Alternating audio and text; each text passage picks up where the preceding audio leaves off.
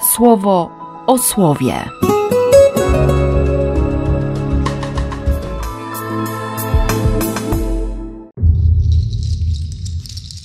Dwudziesty siódmy listopada, sobota. Trudno się dziwić Danielowi, że tracił głowę, tracił rozum. No na pewno dygotał z lęku i w duszy, i w ciele. Takie wizje, a właściwie takie doświadczenie przemocy, przerażającego strachu, no musi się spotkać z reakcją organizmu.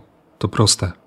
Zresztą chrześcijaństwo wcale nie mówi o tym, że, że nie możemy się bać, że skoro wierzymy, to, to huzia na juzia albo hura optymizm i, i dawaj, nie? w period.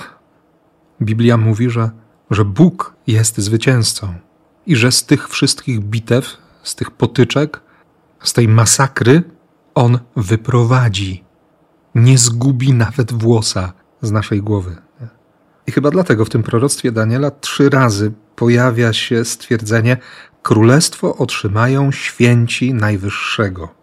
Właściwa chwila nadeszła, królestwo objęli święci.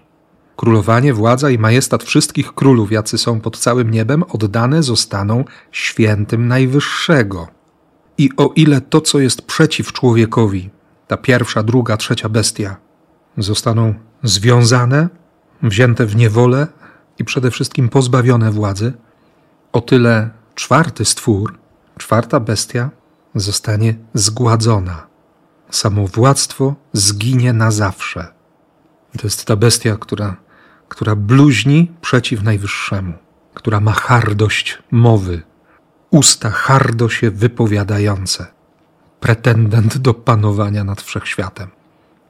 To słowo dziś pozwala mi odetchnąć z ulgą, mimo że zdaję sobie dobrze sprawę z, z tej pychy, która jest we mnie, która ciągle próbuje dojść do głosu. A oddycham z ulgą, dlatego że obietnica Boga jest bardzo precyzyjna. Ta pycha, hardość, to samowładztwo zginie na zawsze. Będę wolny.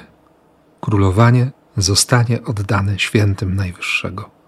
I owszem, Daniel dalej dygotał, jego myśli dręczyły go, jego wygląd się zmienił, ale pocieszenie było konkretne, obietnica bardzo precyzyjna. I o tym też mówi Jezus.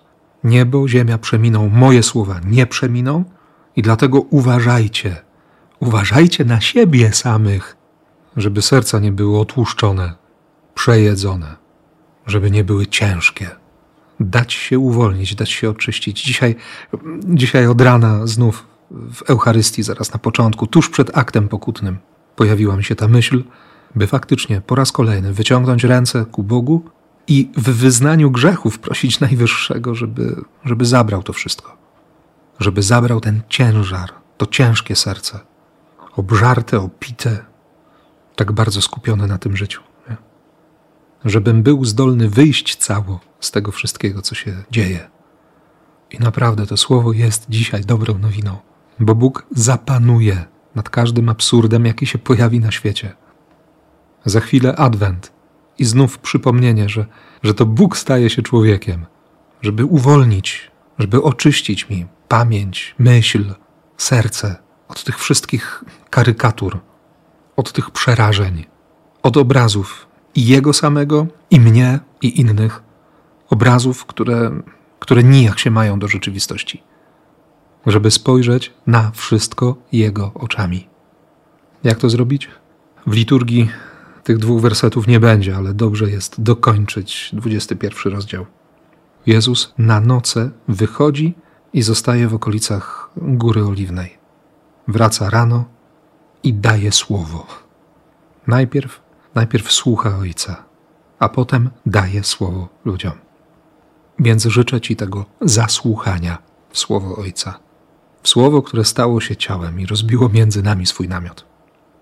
I już teraz dobrego adwentu Ci życzę i błogosławię, jak tylko umiem, w imię Ojca i Syna i Ducha Świętego. Amen. Słowo o słowie.